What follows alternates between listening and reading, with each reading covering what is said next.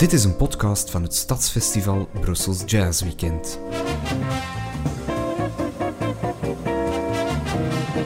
Ben je nieuw in de jazz, dan is dit een ideaal vertrekpunt om je op weg te helpen. Dag luisteraars, welkom bij podcast nummer 17, Jazziness. We zijn, uh, Frederik, beland bij John Coltrane. Dat hadden we vorige keer gezegd. Ik herinner mij The Sound of Music, die bekende film die we allemaal in de kerstperiode opnieuw bekijken. Wat willen we weten over Coltrane? We hebben Coltrane uh, achtergelaten in 1959, dat jaar waarin hij betrokken is met twee heel belangrijke, heel mooie, tijdloze platen. Uh, en, het zijn ook twee platen die aan twee uitersten zitten van het, spectrum. Enerzijds Giant Steps, zijn exploratie van harmonieën, uh, harmonieën in verschillende toonaarden dan nog. En dan anderzijds Kind of Blue, en dat was bijna wars van harmonieën een toonladder, of, of, of misschien twee toonladders. Hè. De dus plaat van Miles Davis. De plaat van Miles Davis. En het is bij die Miles Davis dat hij natuurlijk nog altijd in dienst is. Maar je merkt dat Coltrane een, een borrelend vat van inspiratie, creativiteit, energie is dat op punt staat om over te koken. En dat wordt heel erg duidelijk in 1960. Dan keert Miles Davis nog eens uh, voor een laatste keer samen met John Coltrane naar Europa om uh, een tournee te doen. En van die tournee dateert deze opname in l'Olympia in Parijs.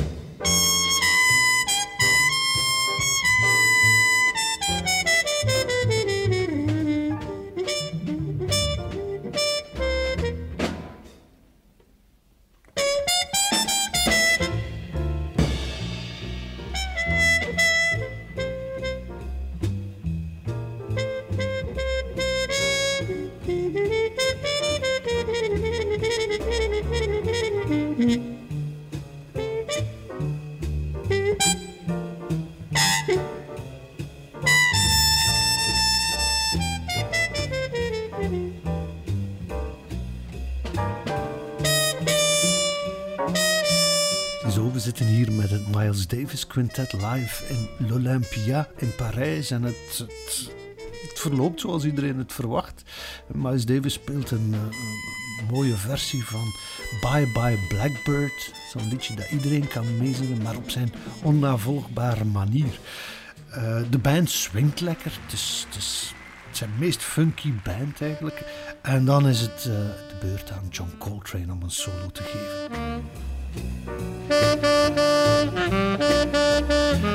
Coltrane gaat tekeer als een wilde man. Het lijkt alsof hij dat arm vogeltje, die blackbird, dat mereltje, in stukken wil rijten en echt dissecteren.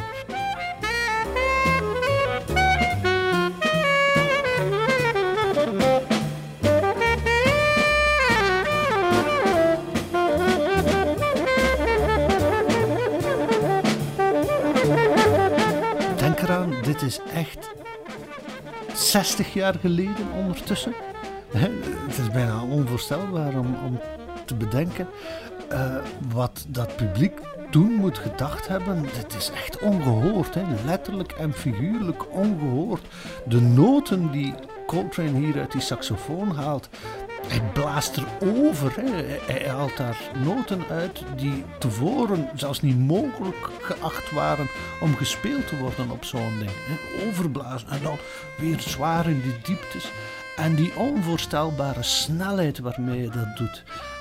De sheets of sound, de geluidsgordijnen. En uh, je hoort het gemorrel langzaamaan in het publiek opstijgen. Je zit met die geopineerde Fransmannen uh, die... Uh, ça c'est le jazz, oh non non, ça c'est pas le jazz. en het publiek begint uit twee fracties te... Voor- en tegenstanders.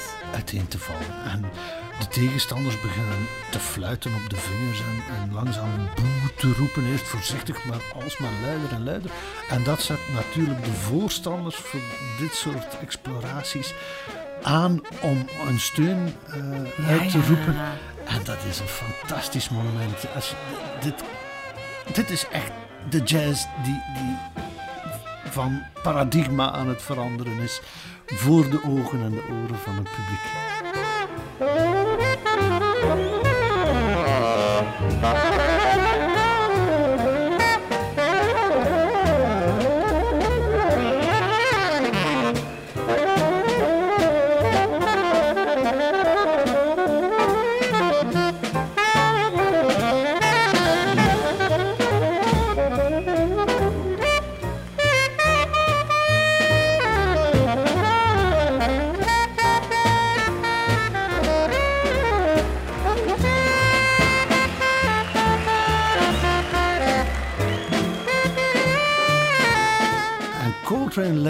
Onaangetast door wat er rond hem gebeurt. Hè. Dat is echt een man met een missie. Hè. De ogen gesloten en recht vooruit. Op zoek, op zoek, op zoek, op zoek.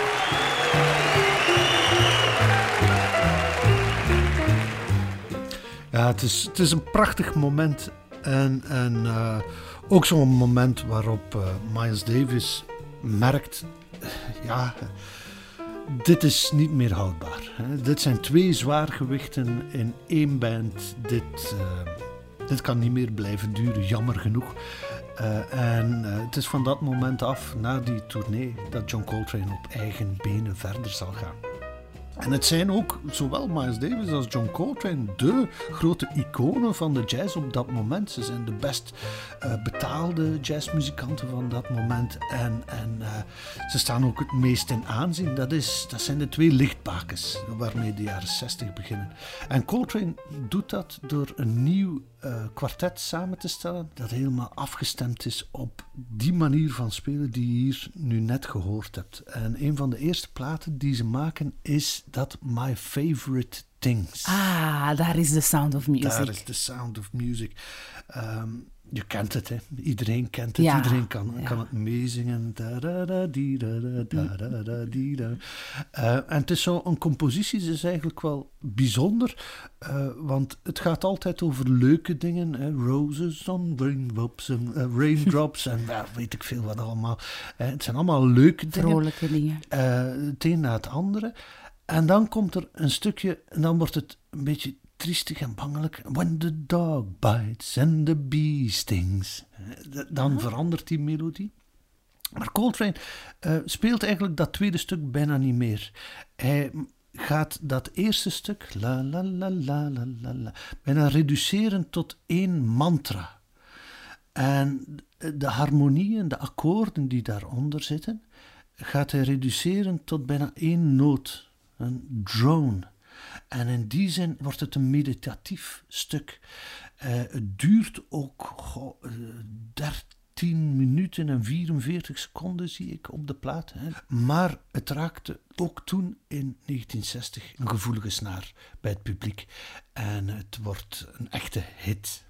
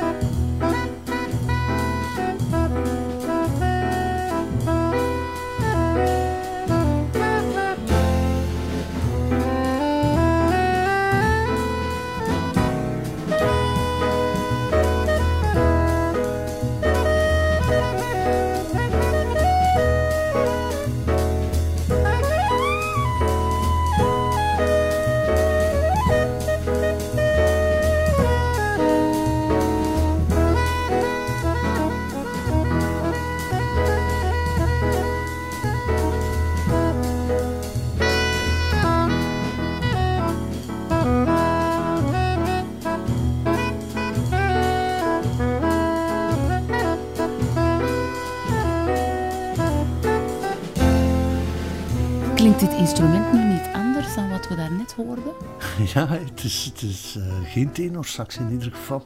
Uh, het is een sopraansax. Uh, het klinkt wat als een schalmei ook. Een schalmei? Ja, zo'n een, uh, een instrument dat uh, herders zouden spelen. Ah. Om, om over de eenzame velden een, schapen bij elkaar te spelen. Maar die sopraansax lijkt een beetje op een klarinet, als je het ziet. Mm -hmm. Het is een instrument dat wat over het hoofd gezien was, maar uh, heeft dat gekregen, dat instrument, tijdens die laatste tournee van Miles Davis van de man zelf, van Miles Davis zelf. En Coltrane kennende en zijn obsessieve natuur, zijn obsessief karakter, is hij daar onmiddellijk beginnen op repeteren als een gek. Tot, tot zijn lippen bloeiden en hij vond dat zo'n fantastische klank, zo weer iets nieuws. Uh, en uh, het is dat instrument dat we hier nu horen. Hè. Ja, heel mooi. Ja, heel mooi. Mm -hmm. um, en het begin van een, een klassieke band, de Classic Quartet wordt dit genoemd, de John Coltrane Classic Quartet, met McCoy Tyner aan de piano, die die muziek letterlijk onderdompelt in die, in die donderende akkoorden. Die, die weet vanuit dat minimum aan basismateriaal, die ene bourdon, die ene dreunende toon, toch altijd een, heel rijk tapijt van harmonieën te weven. En dan de drummer, die heet Elvin Jones. Dat was een telg van een uh, muzikale familie. Een aantal van zijn broers zijn ook uh, jazzlegendes. Je hebt Hank Jones, de pianist, en Thad Jones, de trompetist. En Elvin speelde dus drums. Maar als Elvin drums speelt, lijkt het alsof er wel drie mensen tegelijkertijd op dat ding bezig zijn. Dat was, dat was de meester van de polyritmiek. En dat is natuurlijk fantastisch tegenover die intense Coltrane. Heb je dan dat smeulende, wat zeg ik smeulende, het is bijna een uitslaande brand, dat vuur van uh, Elvin Jones. Rond John Coltrane wordt rond die periode zelfs een heel platenlabel gebouwd. Dat platenlabel heet Impulse. De, de, de baseline was de new wave in jazz. De, het nieuwste van het nieuwste. En Coltrane was de wegbereider, de voerman, de voorganger.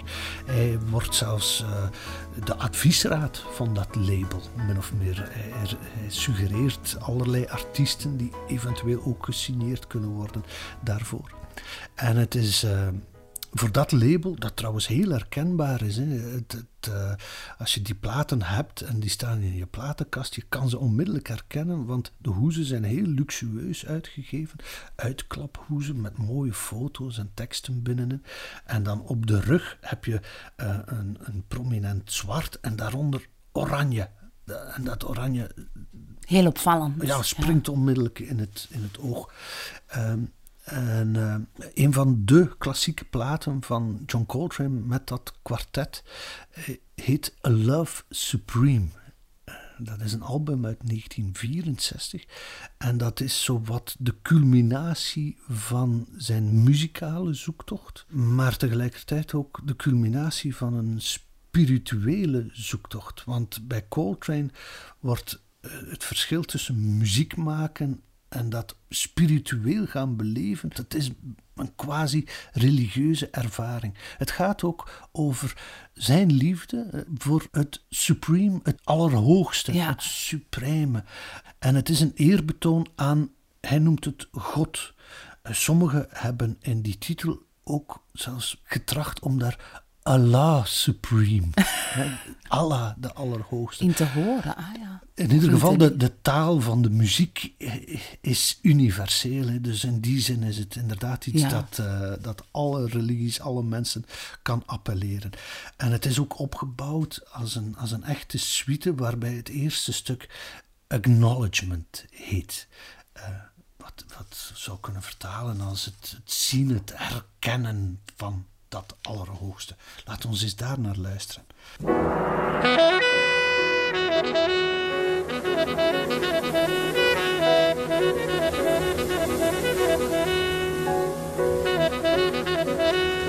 En hier speelt hij eigenlijk een patroon van diezelfde noten. Pida pata bij, pida pata. En het is daar rond dat het allemaal zich gaat concentreren.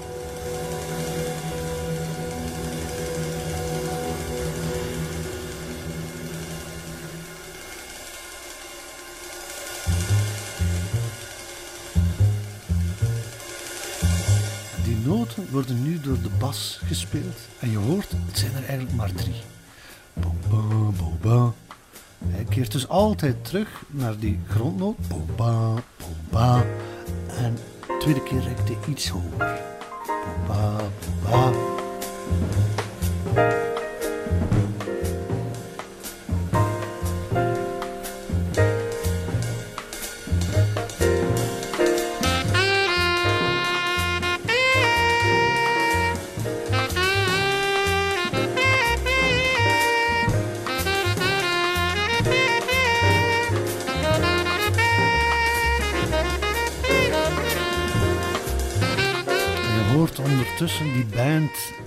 Lekker aan het groove.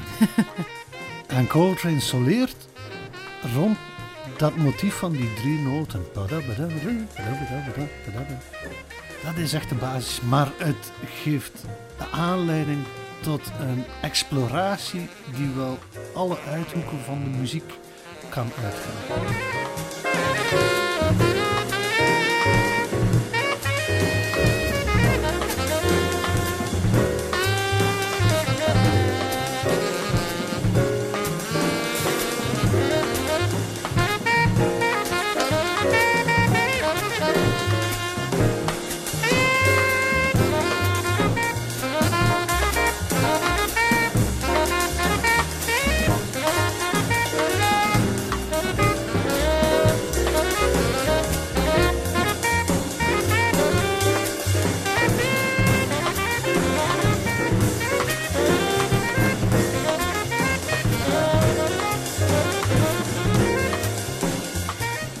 Is niet, niet zomaar muziek meer maken. Hè. Dit is duidelijk iemand die een spirituele zoektocht aan het ondernemen is.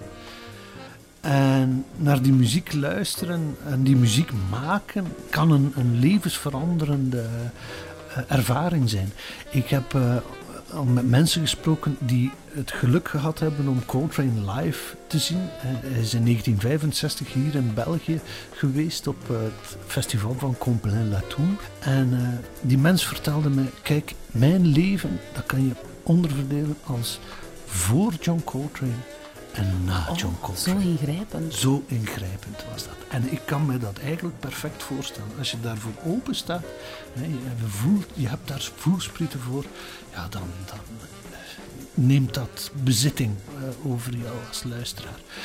Ehm, en voor sommige mensen is dat echt wel eh, letterlijk zo. Bijvoorbeeld in Philadelphia heb je een eh, Church of Saint John Coltrane, waarbij de, de leden elke zondag samenkomen om A Love Supreme te bezingen in de geest van de heilige Coltrane.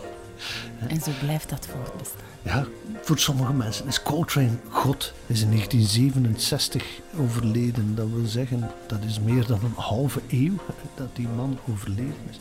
Maar nog altijd lijkt dat voor heel veel mensen vandaag de referentie van hoe ver jazz kan gaan en hoe, hoe ingrijpend dat kan zijn. love supreme, love supreme, love supreme, love Trouwens, na die Love Supreme gaat hij helemaal eh, zich overgeven en helemaal in de avant-garde duiken. In 65 maakt hij een plaat die heet Ascension. En die is opgenomen met twee kwartetten, hè, twee bands. En die klinkt zo.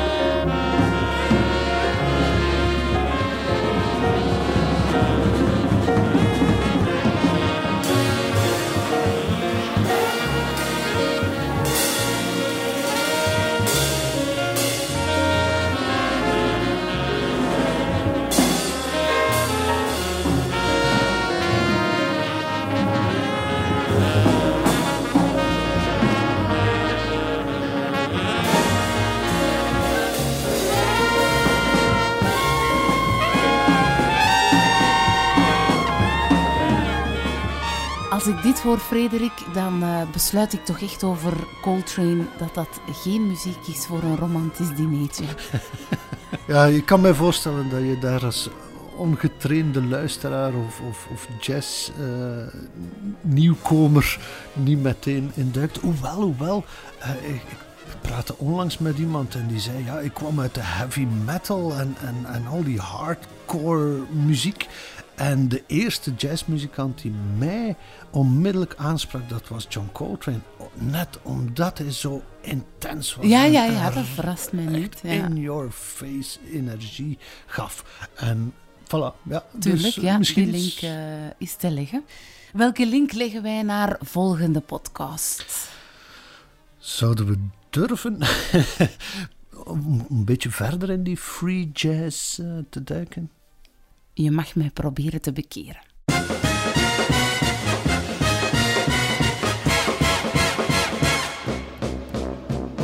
Bedankt Ellen Leemans en Frederik Goossens. Jazziness wordt gemaakt door het gratis stadsfestival Brussels Jazz Weekend. De volgende editie vindt plaats op 29, 30 en 31 mei 2020. Meer info over het festival vind je op brusselsjazzweekend.be. Abonneer je op de podcast om op de hoogte te worden gehouden wanneer nieuwe afleveringen verschijnen. Vind je dit een leuke podcast? Geef ons dan een goede review. Zo worden we ook makkelijk gevonden door nieuwe luisteraars.